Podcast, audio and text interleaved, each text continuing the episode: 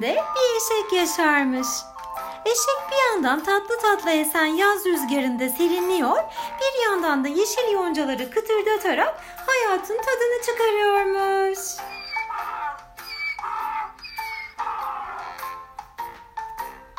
Bir ara kafasını kaldırıp kendine doğru koşan hayvanı görünce başından aşağı kaynar suların döküldüğünü hissetmiş.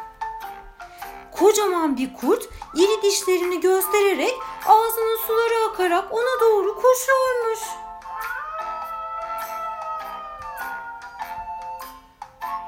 Derhal bir çare bulmam lazım diye düşünmüş eşek ve bulmuş da. Tehlike anlarında eşeklerin de kafaları hızlı çalışırmış. Ay ay ay benim dertli başım topalayam diye oflayarak topallamaya başlamış. Kurt dostum seni Tanrı gönderdi. Yardım et ayağımdaki şu dikeni çıkar lütfen demiş. Hmm. Ben şimdi bunu böyle yersem ayağımdaki diken ya boğazıma batar ya da daha kötüsü mideme kadar iner hazmı zorlaştırır.